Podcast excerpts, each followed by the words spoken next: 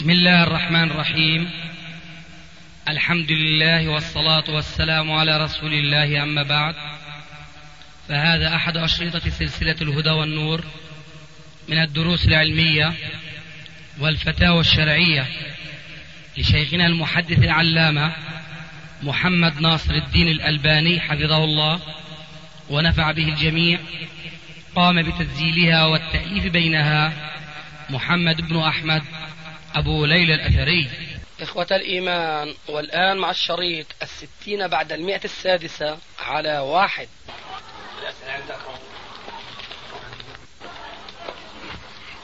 بسم الله. السؤال شيخنا الأول مطول شوية بس في شرح إن شاء الله. يقول نحن الآن مقبلين على الانتخابات البرلمانية. عافانا الله وإياكم. وجل الناس في هذا العصر يعيشون فترة قد عصفت بها الفتن. بل نكاد أن نقول بأن هذه الفتن صارت تصنع المجتمع وتقوده بتياراته الشديدة لأن يتكيف معها تكيفا غير إسلامي. فصار صاحب الجبة قبل العمي يشير إلى مشروعية هذه الانتخابات بزعم أننا لو تركنا الأمر هكذا فإن المسلم الذي لا ينبغي أن يكون في السلطة ستكون له الهيمنة الكاملة. لا ينبغي أن يكون. المسلم الذي يعني يكون إما اشتراكيا أو كذا يعني لا لا. فإن يعني هو الكافر وأراد أن يغيروها شيء الكافر ستكون له الكي الهيمنة الكاملة. وأركز على الكلمة الكاملة. بينما الاشتراك فيها للمسلمين يحيل إلينا الجزئية من السلطة التي تمنح المسلم بعضا من مطالبه وتصون له شيئا من حقوقه. فلذلك من منطلق القاعدة التي تقول بأنه ما لا يتم الواجب إلا به فهو واجب فالاشتراك بالانتخابات يكاد أن يكون واجبا. ولذلك نريد منكم جزاكم الله خيرا أن تبينوا لنا الأدلة الشرعية في مسألة الانتخابات والاشتراك بها والتصويت عليها وما هو البديل في هذا الحال في هذه الحالة. جزاكم الله خيرا. نحن تكلمنا في هذه المسألة مرارا وتكرارا. وقلنا إن المشاركة في الانتخابات هو ركون إلى الذين ظلموا. ذلك لأن نظام البرلمانات ونظام الانتخابات آه، يعتقد فيما أعلم كل مسلم عنده شيء من الثقافة الإسلامية الصحيحة. كل مسلم يعلم أن نظام الانتخابات ونظام البرلمانات ليس نظاما إسلاميا.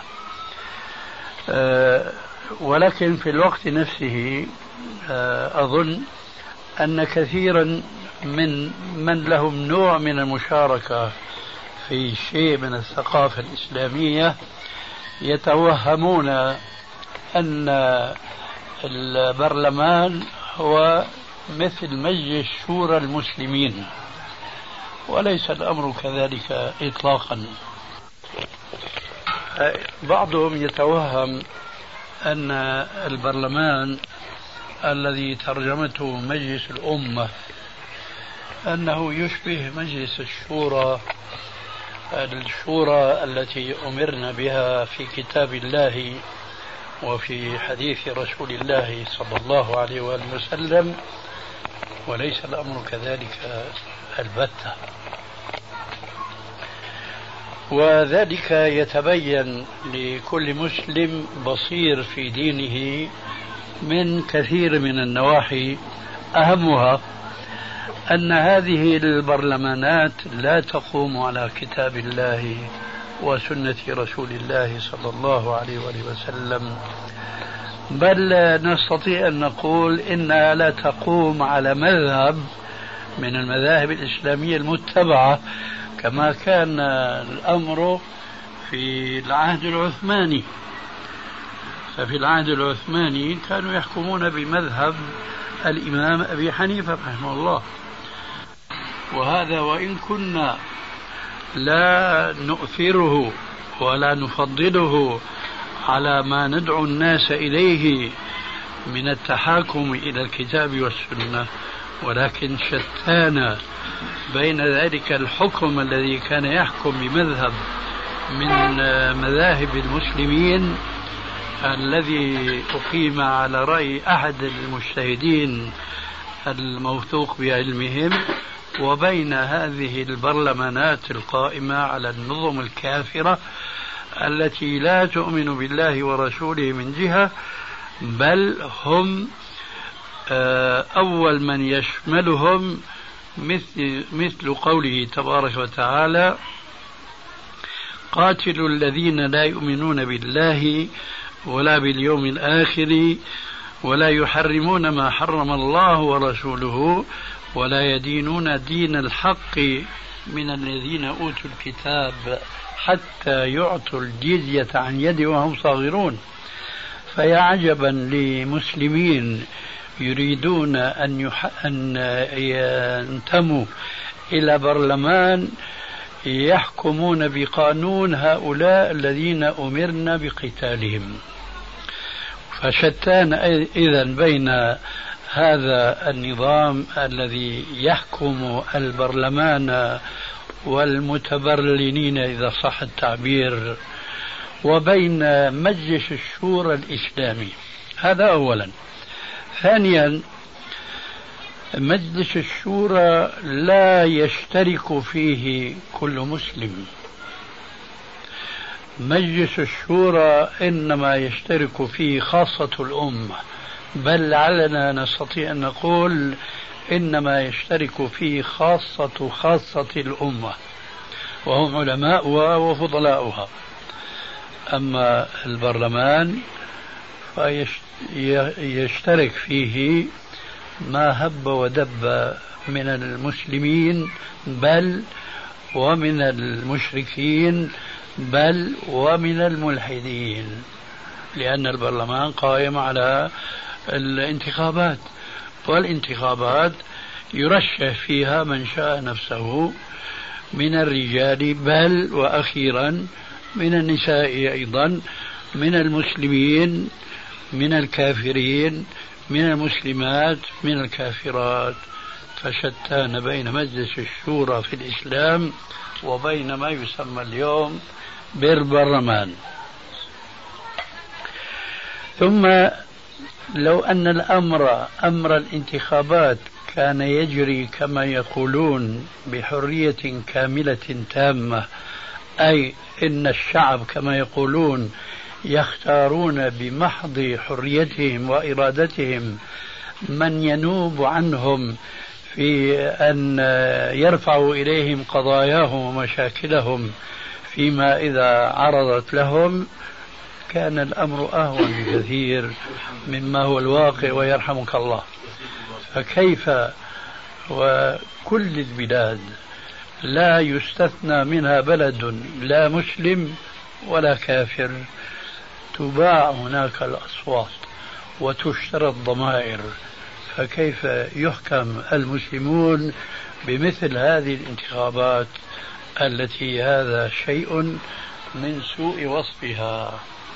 هذا ما يمكن أن يقال بالنسبة لما فهمته من شق من السؤال. أما الشق الثاني وهو يعني أستطيع أن أقول إنها شنشنه في هذا الزمان. يقال ما هو البديل. كلمة سهلة جدا ولسهولتها يلجأ إليها الضعفاء. ضعفاء الناس والذين ابتلوا بالابتعاد عن هدي القرآن وسنة الرسول عليه الصلاة والسلام. فهم يريدون البديل أن يحققوه ما بين عشية وضحاها. في الأمس القريب كنا في جلسة آه، تحدثنا فيها عن البنوك والبنوك الإسلامية بخاصة. وبينا أنه لا فرق بين هذه البنوك التي ترفع شعارها الإسلامي فلا فرق بين بنك إسلامي وبنك بريطاني أو أمريكي إطلاقا لأن النظام واحد. لكن مع الأسف قد يكون البنك الذي أعلن بأنه بنك إسلامي أخطر من البنوك الأخرى سواء كان بريطانيا أو أمريكيا. ذلك لأن هذه البنوك تتستر بستار الإسلام. فهي تفعل فعل اليهود الذين حذرنا كتابا وسنة من اتباع سننهم وبخاصة الحديث الصريح المعروف في البخاري. في قوله عليه السلام لتتبعن سنن من قبلكم شبرا بشبر وذراعا بذراع حتى لو دخلوا جحر ضب لدخلتموه. قالوا اليهود والنصارى قال فمن الناس؟ فقلت بهذه المناسبة هذه ليلة أمس أو قبل أمس نعم. فقلنا كثيرا ما يتساءلون بمثل هذه المناسبة عن البديل عن هذه البنوك التي نحن ننكرها لما فيها من تعاطي بالربا المحرم كتابا وسنة. يتساءلون ما هو البديل. فقلت وهنا أقول أرمي كما يقولون عصفورين بحجر واحد. البديل هو قوله تبارك وتعالى ومن يتق الله يجعل له مخرجا ويرزقه من حيث لا يحتسب. البديل تقوى الله عز وجل ولا شك أن تقوى الله تتطلب قبل كل شيء علما نافعا وثانيا عملا صالحا مقرونا بالعلم النافع. فلا يغني عمل صالح عن العلم النافع ولا العلم النافع بالذي يغني عن العمل الصالح بل لا بد من الجمع بينهما. ولكي يستطيع المسلمون أن يقوموا بهذه التقوى التي تتضمن العلم النافع والعمل الصالح هذا يحتاج إلى جهود جبارة متكاتفة بين أهل العلم الذين يقومون بواجب التعليم والتبليغ للإسلام وبين واجب العمل بهذا الإسلام من جماهير المسلمين. فحينما يتفاعل عامة المسلمين مع علمائهم هؤلاء العلماء بنشرهم للعلم وأولئك بعملهم بالعلم فيومئذ يفرح المؤمنون بنصر الله تبارك وتعالى. أهلا وسهلا. بهذا أنهي الجواب عن ذاك السؤال. فالبديل إذا هو العودة إلى الإسلام. البديل هو العودة إلى الإسلام فهما وعملا سأنصب شيخي نفسي نفسي يعني كمدافعا عن هؤلاء وأقول مثلا قولهم ما لا يتم الواجب إلا به فهو واجب. من هذا المنطلق. ألا يحق لنا مثلا أن نأخذ البرلمان هذا هو كواجب؟ ننطلق به إلى الغاية السامية وهي تحقيق الأهداف نعم وصون نعم. حقوق المسلمين. هذا الكلام بارك الله فيك. محله ليس هذا محله. ما لا يقوم الواجب إلا به فهو واجب معناه أي سبب مباح أصله يؤدي إلى واجب فالأخذ بهذا السبب المباح أصله واجب. أما السبب المحرم فهذا لا يقول عالم ما لا يقوم الواجب إلا به فهو واجب. هذا في الحقيقة إما جهل أو تجاهل وأحلاهما مر. فالبديل كما نفهم شيخنا من البرلمان هو العلم والعمل. والعمل. تصفية وتربية. هنا. طيب هناك سؤال يسأل يعني أين التنظيم في هذا الأمر؟ الإنسان يعمل هنا ويعمل هنا هكذا ما يقولون يعني. نعم. ويرمون بهذه الشنشنة هذا يعمل لوحده وهذا يعمل لوحده. فأين العمل الجماعي الذي نقول عنه عمل؟ هذا أخي وعلم. الشنشنة هذه لا ننتهي منها.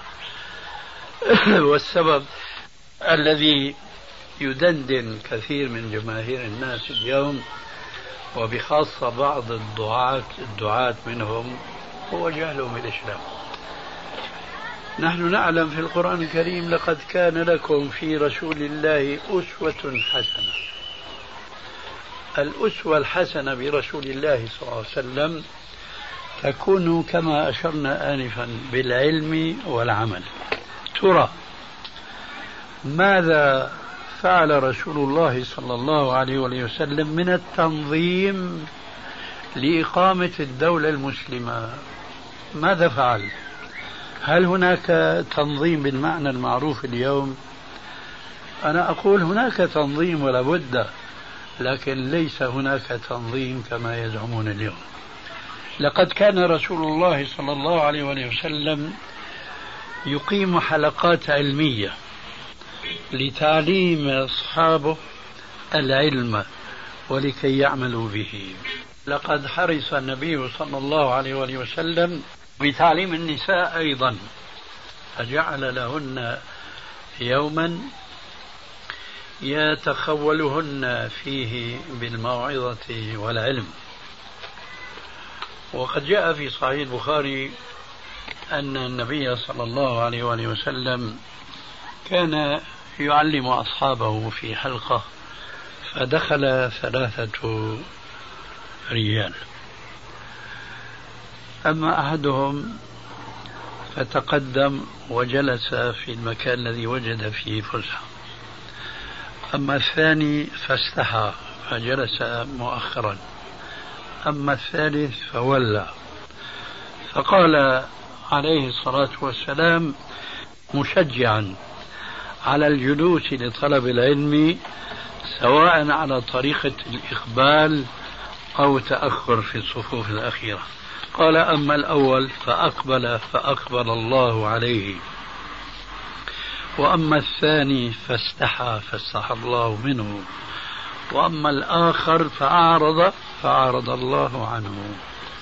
هذه الحلقات هي التي جرى عليها علماء المسلمين طيلة هذه القرون الطويلة ليتعلم المسلمون علمهم ويكونوا بذلك على هدى من ربهم. الآن لا تكاد تجد حلقة من هذه الحلقات العلمية تقام في بيت من بيوت الله.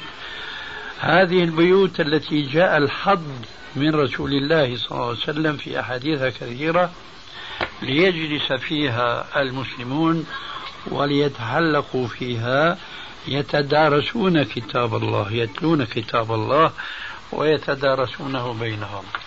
أصبحت هذه البيوت خاوية على عروشها.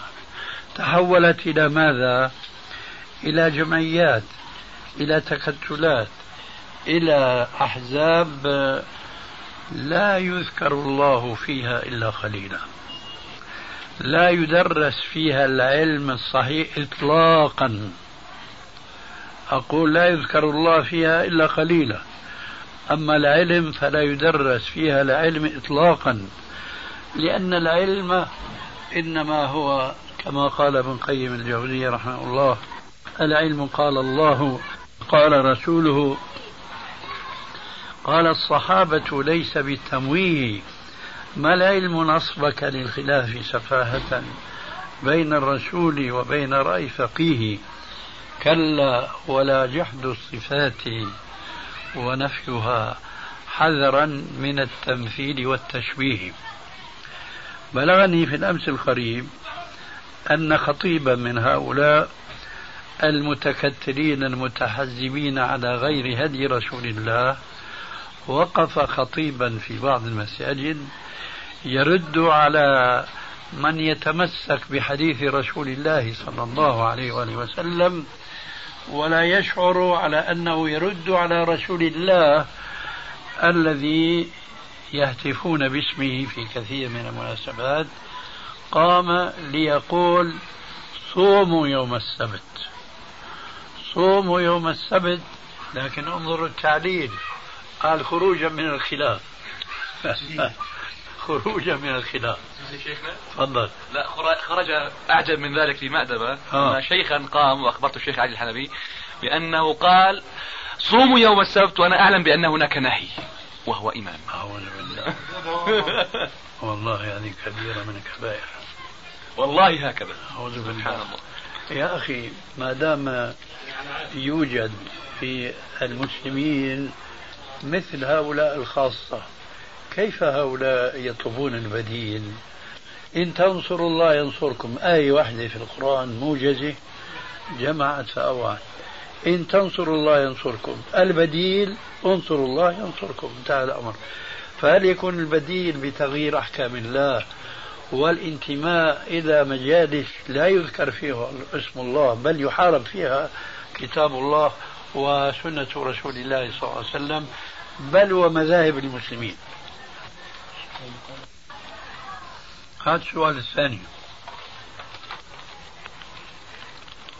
ننتقل من الانتخابات الكبرى إلى الانتخابات الصغرى انتخابات البلدية. رأيكم فيها وما هو قولكم بمن يقول بمشروعيتها بدعوى أنه لا علاقة لها بالديمقراطية الطاغوتية وأن كون رئيس البلدية مسلما أفضل كو كونه ما بيهم الله هو أشار بيده فعلمت هاي بدها دراسة علم النحو. ولو في أسوأ الأحوال لو كان مسلما ولو في أسوأ الأحوال مما لو كان نصرانيا أو اشتراكيا أو شيوعيا.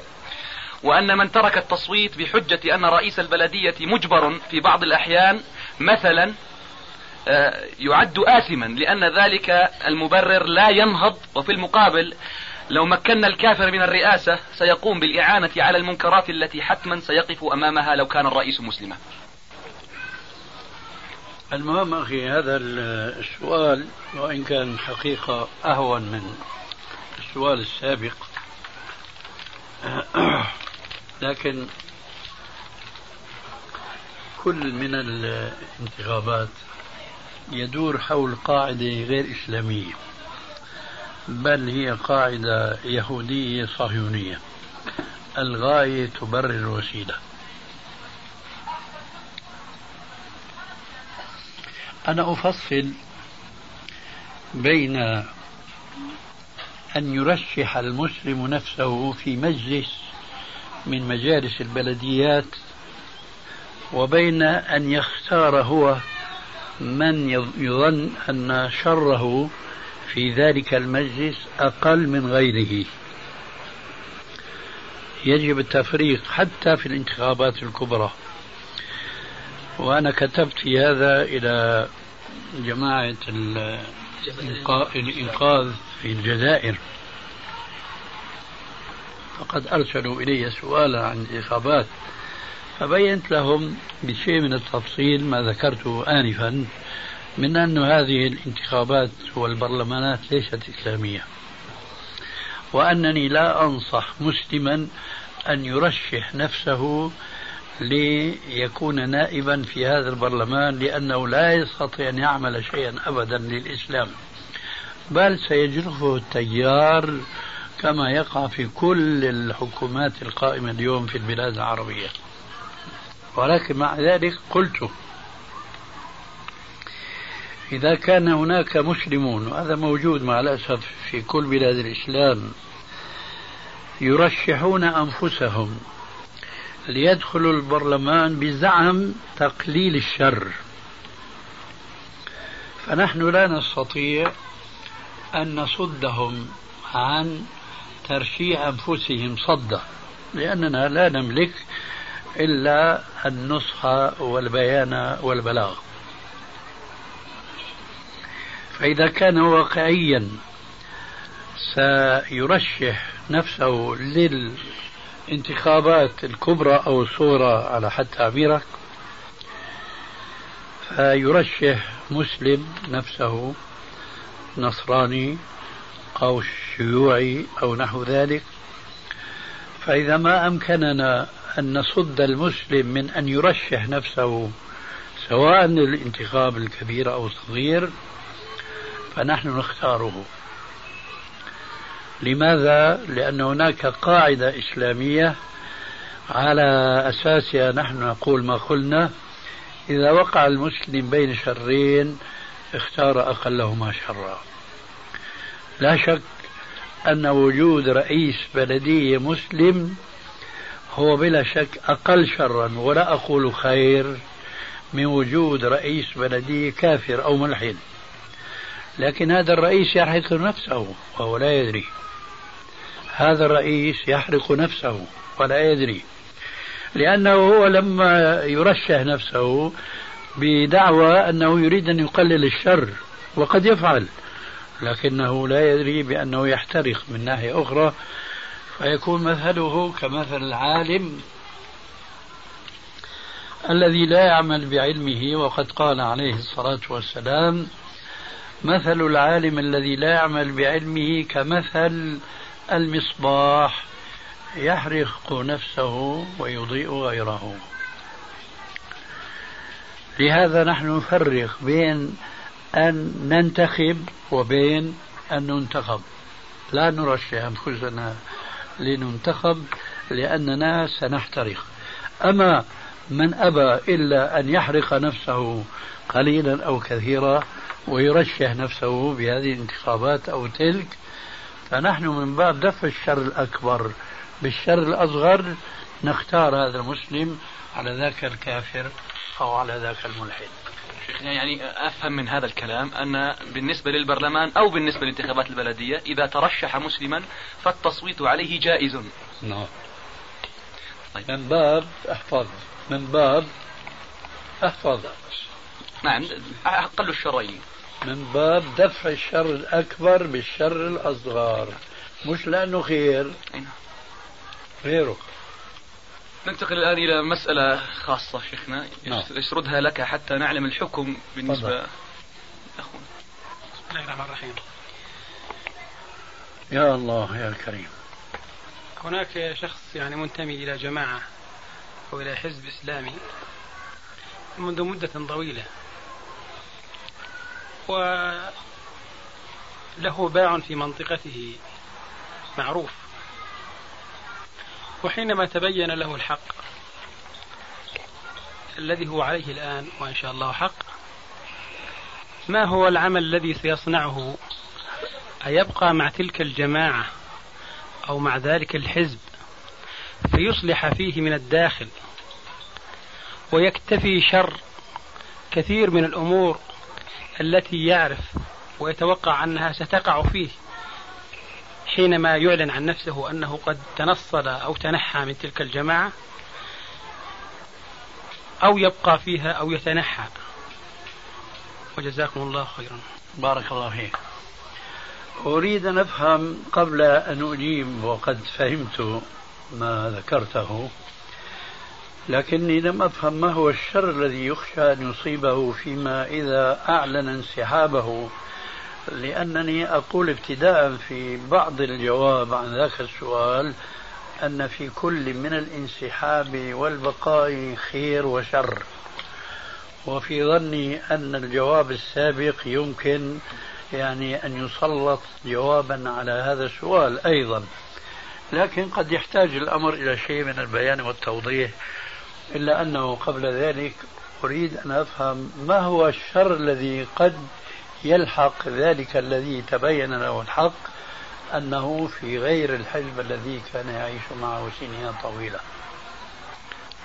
والله إذا قلنا ما هي الأمور التي ستلحق ستبين الموضوع أكثر وهذا يحتاج إلى عدم التسجيل. يحتاج إلى عدم التسجيل. إيه أطفي كليمة صغيرة في تفضل يا الموضوع. بارك الله فيك. نعم. أنا لا بأس ما عندي مانع أن يسجل. نعم. بارك الله فيك. بسم الله. آه، شيخنا آه، الدعوات الإسلامية ولا أقول الجماعات آه، عندما تريد أن تسوغ لنفسها مشروعية تلجأ لحيث النبوية ومن بين الأحاديث التي يلجؤون إليها قول النبي صلى الله عليه وسلم من فارق الجماعة قيد شبر فقد خلع ربقة الإسلام من عنقه. الله أكبر. فالمقرر في أذهانهم من حيث يشعرون أو لا يشعرون. الله وهذا يتفاوت بتفاوت أفراد هؤلاء الدعوات هذه الدعوات آه، أن آه، هذا الإنسان قد فارق الجماعة. لأنهم هم يعتبرون أنفسهم جماعة من الجماعات. وعندما يذكرون آه، هذه الأحاديث يصبح في عالم اللاوعي إنجاز التعبير أن هذا الإنسان لما يخرج من هذه الدعوة وقد يخرج إما لمسوغات هو يراها وملاحظة هنالك نتائج مدمرة ومدمرة جدا ويغلب على ظني ولا أريد أن أسبق الحديث أخونا سيدندن حولها مسبقا. أقول آه هذه النتائج المدمرة أنهم سيعاملونه بناء على أنه قد خرج من الجماعة التي هي معنية في حديث النبي صلى الله عليه وسلم. والصنف الثاني الذي قد خرج لأمور ألمت به هو بنفسه سيبقى هزيلا ضعيفا. حالتين هنالك نتائج مدمرة ومدمرة جدا ويغلب على ظني ولا أريد أن أسبق الحديث أخونا سيدندن حولها مسبقا. أقول آه هذه النتائج المدمرة أنهم سيعاملونه بناء على أنه قد خرج من الجماعة. التي هي معنية في حديث النبي صلى الله عليه وسلم. ما شاء الله. والصنف الثاني الذي قد خرج لأمور ألمت به هو بنفسه سيبقى هزيلا ضعيفا قليل الالتزام لأنه يشعر في حقيقة نفسه أنه ترك الجماعة. ما صوب هذا المفهوم؟ هو خرج لأمور ألمت به وما صوب المفهوم الحقيقي. فعلى كلا الحالتين شيخنا لها نتائج مدمرة ومدمرة جدا. وأكثر ما يظهر هذا في المناطق التي فيها وجود حزبي. بعد هذا شيخنا يعني لا تسأل عما سيلاقي. يعني أنا أقول عن نفسي لما تركت جماعة الإخوان المسلمين نعم. وذات يوم أصلي الفجر في المسجد الذي أصلي فيه أحد الإخوة من الإخوة الطيبين الذين كانوا يعني يعني يثنون ويمدحون ويستفيدون وما شابه ذلك بدأ يعني وهو يسير ذاهبا ويقرأ ويحفظ أو هو لعله تعمد ذلك. نعم. يقرأ سورة محمد ولما يصل إلى قول الله عز وجل إن الذين ارتدوا على أدبارهم إنما الشيطان سول لهم أملى لهم ينظر إلي ويرددها ويقرأها بصوت عال. أي نعم. وهو قاصد. وأنا صوت له المفهوم. هكذا فعلوا معي هكذا فعل معي. هذا الأخ. أي نعم. ففي ظني يعني لا أريد أن أطيل. يعني يعني لعلي رميت العصا أمام الراعي. بارك الله حديث اشجان من أبو عبيد. اي والله. الله المستعان. طيب آه، يعني عندي التأويل السيء لكن نريد أن نسمع بس لا تسجلوا كما رغب الأخ. ابقى في الجماعة. وأمر بالمعروف وأنهى عن المنكر وذلك ينجيك من كل العواقب التي تخشاها لأنه ستكون نهاية أنه كما يقولون يرمجوه ولا شو بيقولوا؟ يقتلوه جمدوه يرمجوه ها؟ لا اصطلاح. آه أستاذ مشهور شو بيقولوا؟ يجمد اولا. يجمد اول بعدين؟ يطرد. يطرد. ثم يحرق هذا هو. ثم يحرق. فالمقصود أنك تمشي في الموضوع خطوة خطوة. أرى أن تبقى في مكانك لكن بالشرط الأساسي أن تأمر بالمعروف وتنهى عن المنكر.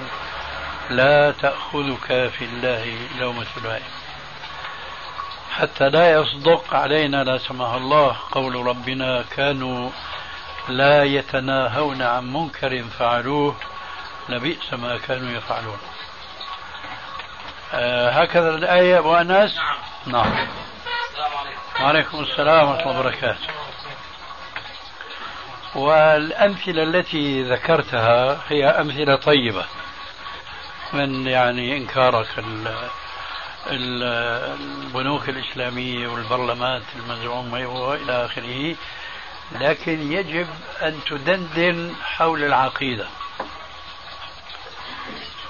لأنني أعتقد بتجربتي الطويلة التي تعدت ستين سنة أن الجماعات الإسلامية كلها إلا الذين ينتمون إلى الكتاب والسنة وليس وليس فقط إلى الكتاب والسنة بل وعلى منهج السلف الصالح.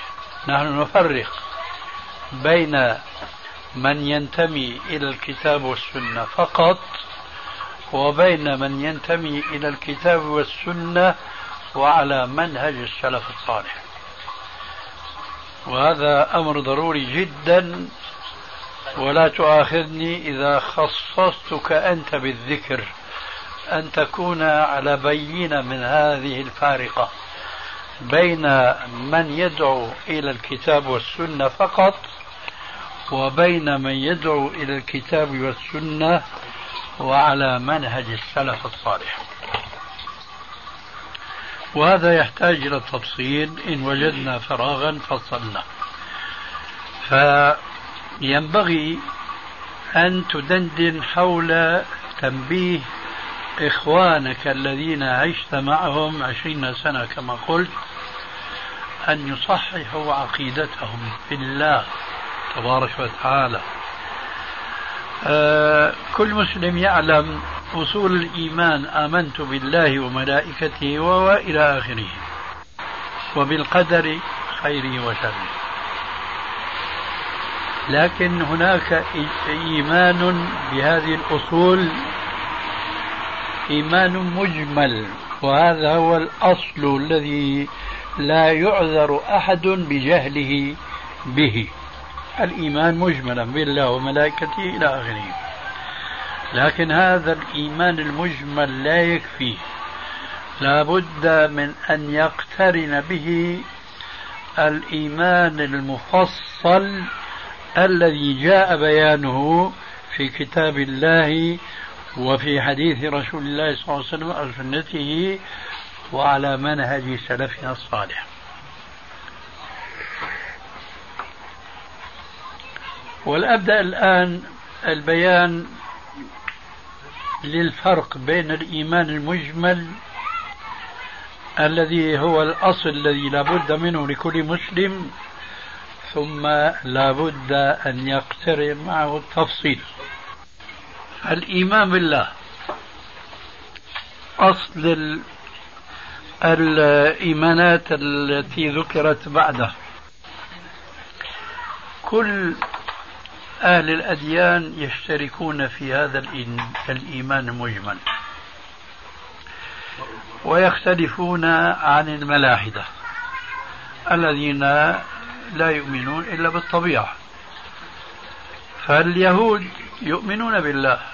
والنصارى يؤمنون بالله والصابئة يؤمنون بالله والبوذيون والكونفوشيوس إلى آخره إلا الملاحدة. فإذا هذا الإيمان المجمل لا يكفي. لا بد من أن يكون إيمانا مبينا مفصلا وكما قلت آنفا على ما جاء في الكتاب والسنة. والآن لنضرب مثلا. من واقع حياتنا ومن جهل شبابنا المتحزب المتكتل على غير هدى من الله.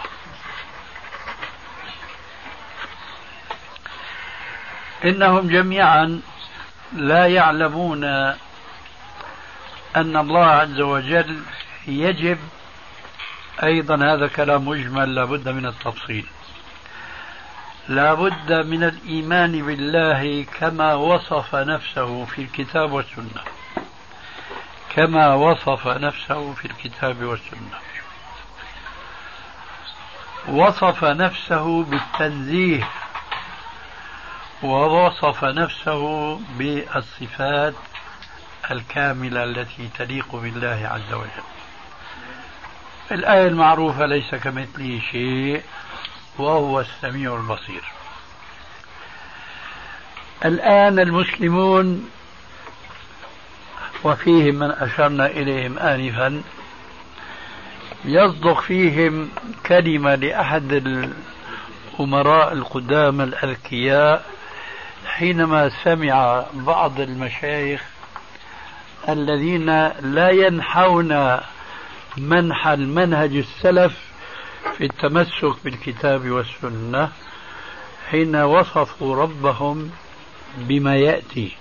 قالوا الله عز وجل لا يوصف بأنه فوق ولا تحت ولا يمين ولا يسار ولا أمام ولا خلف ولا يقال هو داخل العالم و لا يقال هو أيضا خارج العالم. فماذا قال ذلك الأمير الكيس الفطن الذكي؟ قال هؤلاء قوم أضاعوا ربهم. هذه حقيقة. المسلمون اليوم هذه عقيدتهم. وهناك عقيدة أخرى قد تكون دونها شرا لكنها هي في الشر تحيا.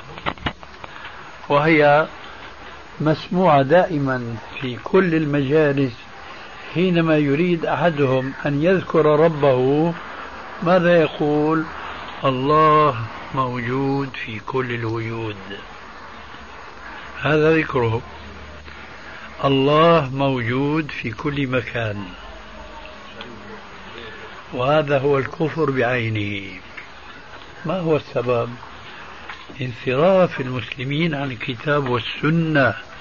وعلى منهج أرجو أن تتذكر هذه الإضافة لأنها ضرورية جدا وعلى منهج السلف الصالح.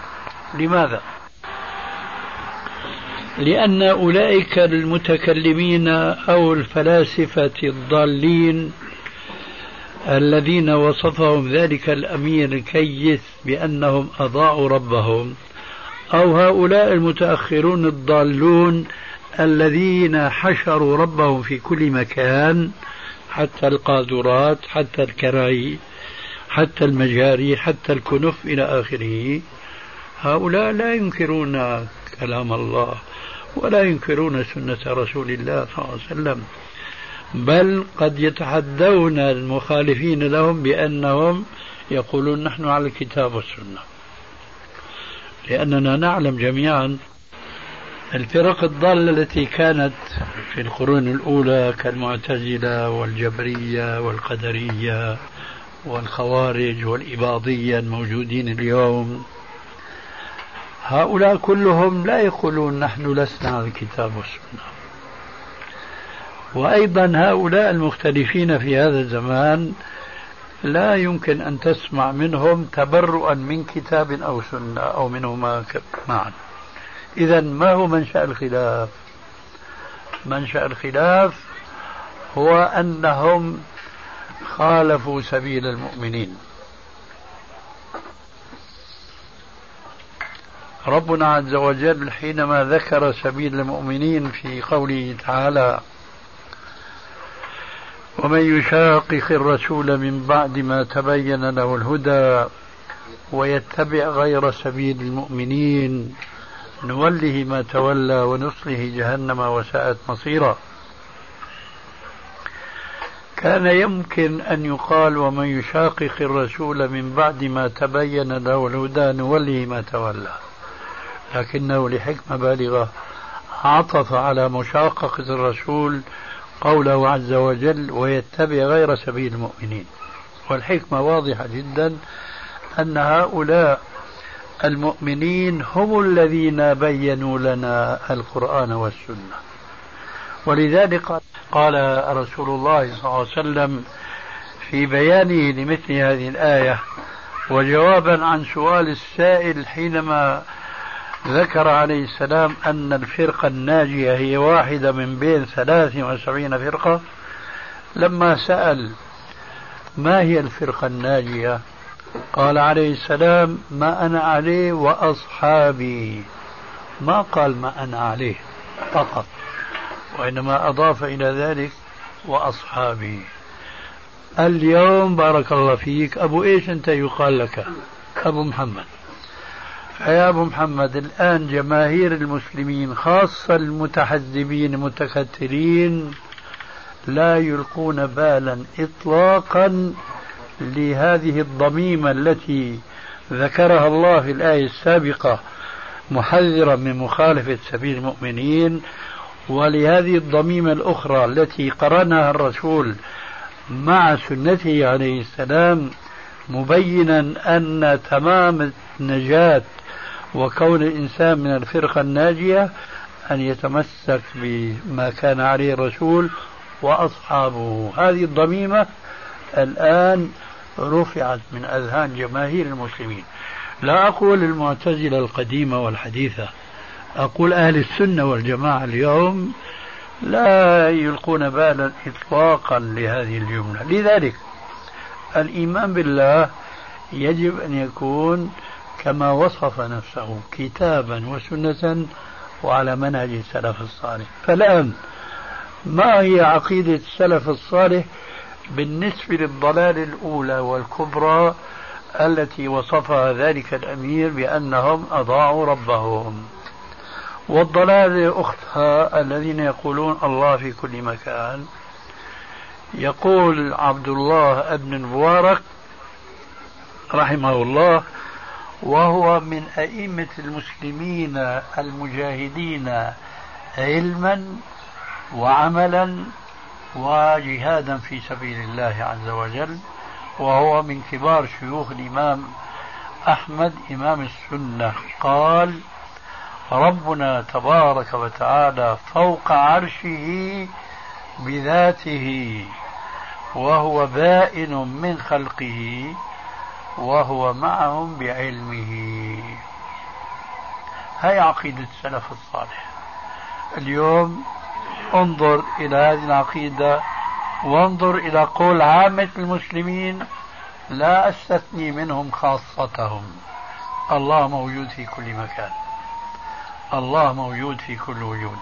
أما تلك الضلالة لا فوق لا تحت لا يمين لا يسار إلى آخره لا داخل العالم ولا خارجه أنا أقول لو طلب من أفصح من نطق بالضاد أن يصف لنا المعدوم لما استطاع أن يصف هذا المعدوم بأكثر مما يصف هؤلاء المسلمون المهابيل ربهم ومعبودهم. لا فوق ولا تحت ولا يم... الله أكبر. ربنا يقول في عباده المصطفين الأخيار آه إيش من فوقهم؟ يخافون ربهم من فوقهم. يخافون ربهم من فوقهم. هي صفة المؤمنين الذين يخشون الله. يراقبون يراقبونه تبارك وتعالى معتقدين أن الله عز وجل على العرش استوى كما قال ذلك الإمام عبد الله. ربنا فوق عرشه بذاته. بائن من خلقه رد على الصوفية الذين يقولون بقول إمامهم الضال الكبير ابن عربي.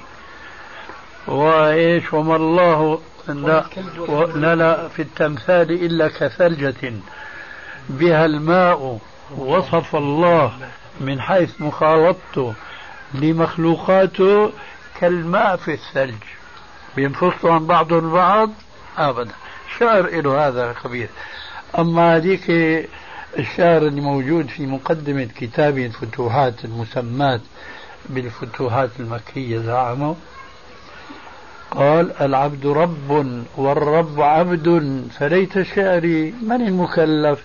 إن قلت عبد فذاك نفي أو قلت رب أن يكلف. حيران مسكين بين العبد وبين الرب. العبد لا وجود له لأنه لا هو إلا هو. ولذلك ذكرهم هو هو. لا إله إلا الله يصرحون. لا إله إلا الله الذي خاطب الله نبيه في القرآن فاعلم أنه لا إله إلا الله. هذا توحيد الخاص العامة. لا إله إلا الله توحيد العامة. المساكين الدراويش الضائعين. فيهم العلماء فيهم الصحابة. كلهم هؤلاء عامة توحيد الخاصة لا هو إلا هو. وتوحيد خاصة الخاصة هو. بس ما في غيره.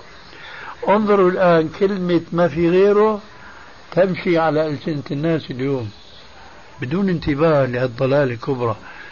العامي الرجل المسلم اللي عقيدته لا تزال على الفطرة. لكن توارث بعض العبارات لا ينتبه لمرماها ومغزاها. بيقول لك ما في غيره. طيب أنا بقول له أنت مين؟ أنت عدم ولا ما موجود؟ أعوذ بالله. ما في غيره بيقول لك. وهذه تساوي تماما. الله في كل مكان. خلاصة هذا بحث يطول جدا ولذلك أتيت بهذا المثال الأول ولعلي آتي بالأخير وما بين ذلك بحث طويل. فالإيمان بالله يجب أن يكون على ما جاء في كتاب الله وفي سنة رسول الله وعلى ما كان عليه سلفنا الصالح. لأن لا أحد من الضلال يتبرأ من الكتاب والسنة لكنه بريء من الكتاب والسنة لأنه يتأولهما حسب جهله وضلاله وهو أنا جاءني هنا رجل ربما سمعتم به أو لعلكم ابتليتم بلقائه وهو يعلن ويرفع راية ضلاله بأن يقول أنا معتزلي. سمعتم بهذا الإنسان؟ هذا جاء هنا فبدأ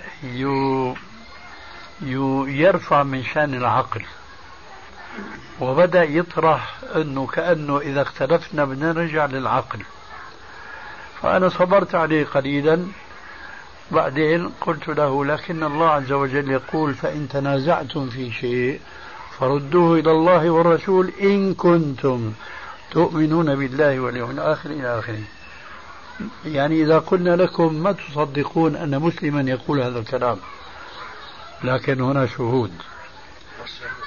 نعم؟ وشريط قال كلام الله يتحمل وجوها من المعاني.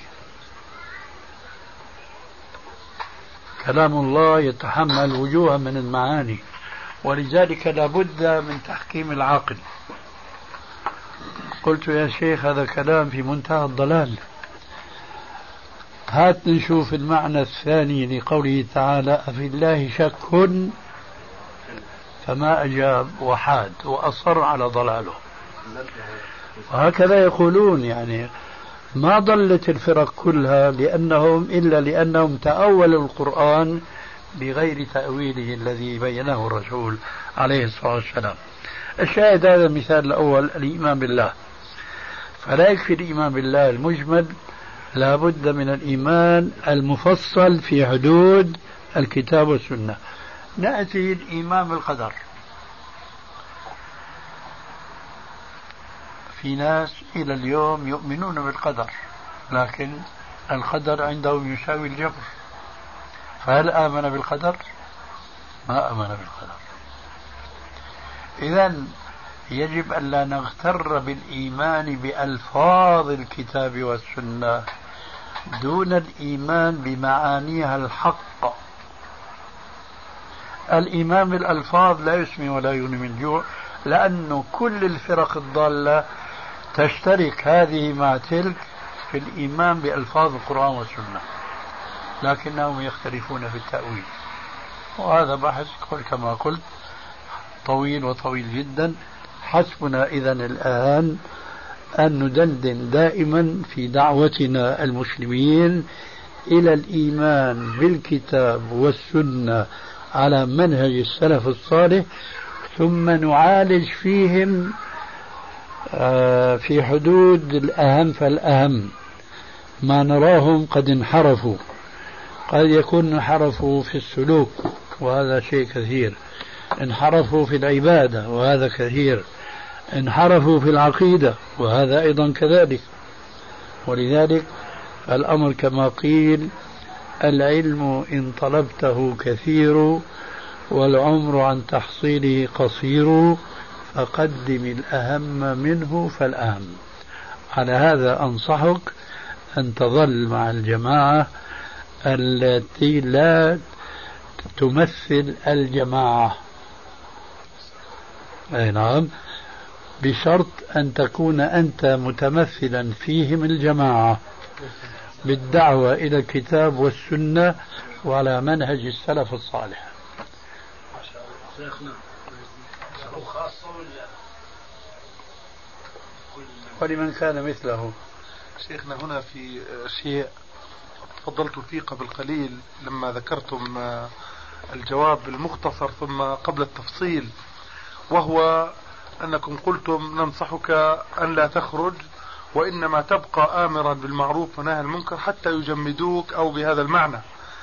أنا أقول شيخنا إذا بقي كذلك حتى يجمدوه يتخذون ذريعة التجميد سببا يدفعون به تهمهم. أما إذا هو عاجلهم بالخروج قبل أن يجمدوه هم يكون يعني هذا سلاحا قويا بيده أني أنا خرجت وما أحد أخرجني. فنخشى أنهم إذا هم جمدوه وطردوه لأمره بالمعروف والنهي عن المنكر فهم لا يتحملون هذا كما تعلمون يا شيخنا. ذلك ما نبغي. لكنهم سيتخذون طرده ذريعة التشويه والتمويه والإفساد وما شابه ذلك كما هو معلوم. طيب. أما إذا هو خرج ابتداء فهذا يقطع عليهم الطريق ما يستطيعون. طيب. يقول لهم أنهم أنه هو الذي خرج رأى أشياء وخرج. فبالتالي أي تهمة يعني يغلق هذا الباب في وجهها. الله تعالى أعلم. الآن كأنك آه، تغاضيت عن العذر الذي قدمه. لا شيخنا أنا ما تغضيت في الحقيقة. لكن أنا أقول أنه أنا أخشى أن يكون العذر أكبر إذا هم خرجوه بس هو يدري الذي وقع في المشكلة. هذه الواقع في المشكلة هو أدرى بها. صحيح صحيح. طيب وأنت سمعت رأيه. طيب الآن بعد هذا التنبيه في شيء جديد ولا ترى؟ بعدين نحن في عنا تجارب يا أخي رمجوا بعض الناس وأخرجوهم ما أصابهم شيء. أنت بتعرف أبو صحيح بلال صحيح صحيح. بتعرف أبو أحمد. نعم. إيه كانوا من كما يقولون عندنا في سوريا في الجماعة من عظم الرقبة. فبدأوا ينصحونهم لا تحضروا دروس الجماعة وخاصة درس الشيخ الألباني إلى آخره. وهم يناظرونهم ويجادلونهم بالتي أحسن. يا أخي يا جماعة أولا الشيخ الألباني لا يدعو إلى تكتل وإلى تعذب كأنه يطمنهم ما راح يكون ضر عليكم يعني. خليكم أنتم بحزبكم هو رجل علم فما الذي يضركم أنه نحن إذا ترددنا على دروسه وتفقهنا بفقهه من الكتاب والسنة؟ لا ما بيصير. ولائين لا يجتمعان. نعم. ما زالوا بهما آه، أنذروهم ستة أشهر. مثل ما قال الأستاذ مشهور آنفا. إما أنه تقطعوا العلاقة بينكم وبين دروس الجماعة وإلا فنحن ننذركم. الجماعة ما عبأوا بهم ولا التفتوا إليهم فكانت العاقبة أنهم فصلوهم لكن ما أصابهم شيء. فأنا أقول أنه بقاء بينهم بقاء بينهم فرصة لو ذهبت أنت إليهم سيفعلون بك ما فعلوا بي. صحيح. أنا أول ما بدأت أتردد على هذه البلاد استقبلوني في الزرقاء وفتحوا لي المقر عندهم. أول محاضرة ألقيتها لم تكن بعدها الأخرى.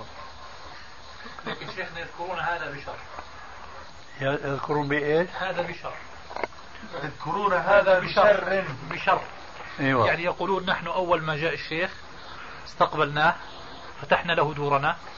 وأخذناه بالأحضان. ما شاء الله. ثم هو عادانا. واستعد الناس علينا. كذب وهذا الله. ترويج يعني لما فعلتم وجزاكم الله خير ونرجو الله أن يأجركم الله. على ما فعلتم لكن كان له يعني جانب سلبي. ومن ثم آه، يعني آه، الأخ جزا الله خير يعني فيما قدم من كلام خرج من الإخوان يعني من يعرف عن الإخوان ابتداء من اللقاء المرشد العام في العالم في أي قاعة يكون في أي فندق في أي بلد وانتهاء بأسرار الإخوان هنا التفصيلية التي هي في مجلس تشريعي بينهم من أعضاء مجلس الشورى. وتكلموا في الجرايد وآخر خبر المحرر لما لما فصلوا ما ما عقد في أخص مجالسهم وهو مجلس الشورى فذكروا الأسماء بالتفصيل وذكروا كل واحد وما له وماذا دار في المجلس هذا نشر في المحرر على الملأ. في المحرر نشر شاهد شيخي من الكلام. نعم. أستغفر الله لا أريد أن أتكلم وأن آخذ يعني أستغفر الله. نريد أن نجلس الجميع يستفيدون بارك الله فيكم. شيخنا مقصدي من الكلام أن الإخوان يعني الآن عندهم ما تفضلتم به مجال الأخ أن يعمل في صفوفهم. عندهم المدرسة الأصولية التي تتمثل في بعض الرموز ممن يحاربون الوزارات وغيرها. ويبقى المنهج معمى عليه وعماء كليا. وفي ظني ما ذكر الأخ مع يعني تقديري لما ذكر آه، فيه يعني آه، تحسب زائد. فيه تحسب زائد أوه. من حيث المحاذير والشرور. أي. أي نعم. الإنسان الذي يعرف ب آه، يعني حسن طوية وحسن سريرة ودماثة خلق وحسن معاملة مع الناس لا يستطيعون لا يستطيعوا أن يمسوه بشيء. لأنهم يعلموا أنهم استعدوا الناس عليه من حيث لا يشعرون. هم همهم شيخنا الاجتماع الأبدان وليس اجتماع الأفهام. إخوة الإيمان تتمة الكلام في الشريط التالي. هم همهم شيخنا الاجتماع الأبدان وليس اجتماع الأفهام. وبالتالي يوجد مدرسة تريد هكذا تفضل. فمثلا أنا لما تركت الإخوان دعوني الإخوان في كتائبهم أن أدرس المصطلح. تعال تفضل درس التصحيح والتضعيف. وهو أخص ما يخص السلفيين. فعندهم مجال للأخ أن يعمل في صفوفهم وينادي بالتوحيد. ولا سيما أن التوحيد الذي يدرسه هنا يعني قريب من منهج السلف وهو كتاب الإيمان. من غير التفصيلات التي يعني نركز عليها وننشرها في بين, بين إخواننا. آه، فيوجد يعني ممكن يعمل آه، حتى لو أراد وأصر قد يجعل قد يوجد له يعني سبيل معين وخط معين وقناة معينة.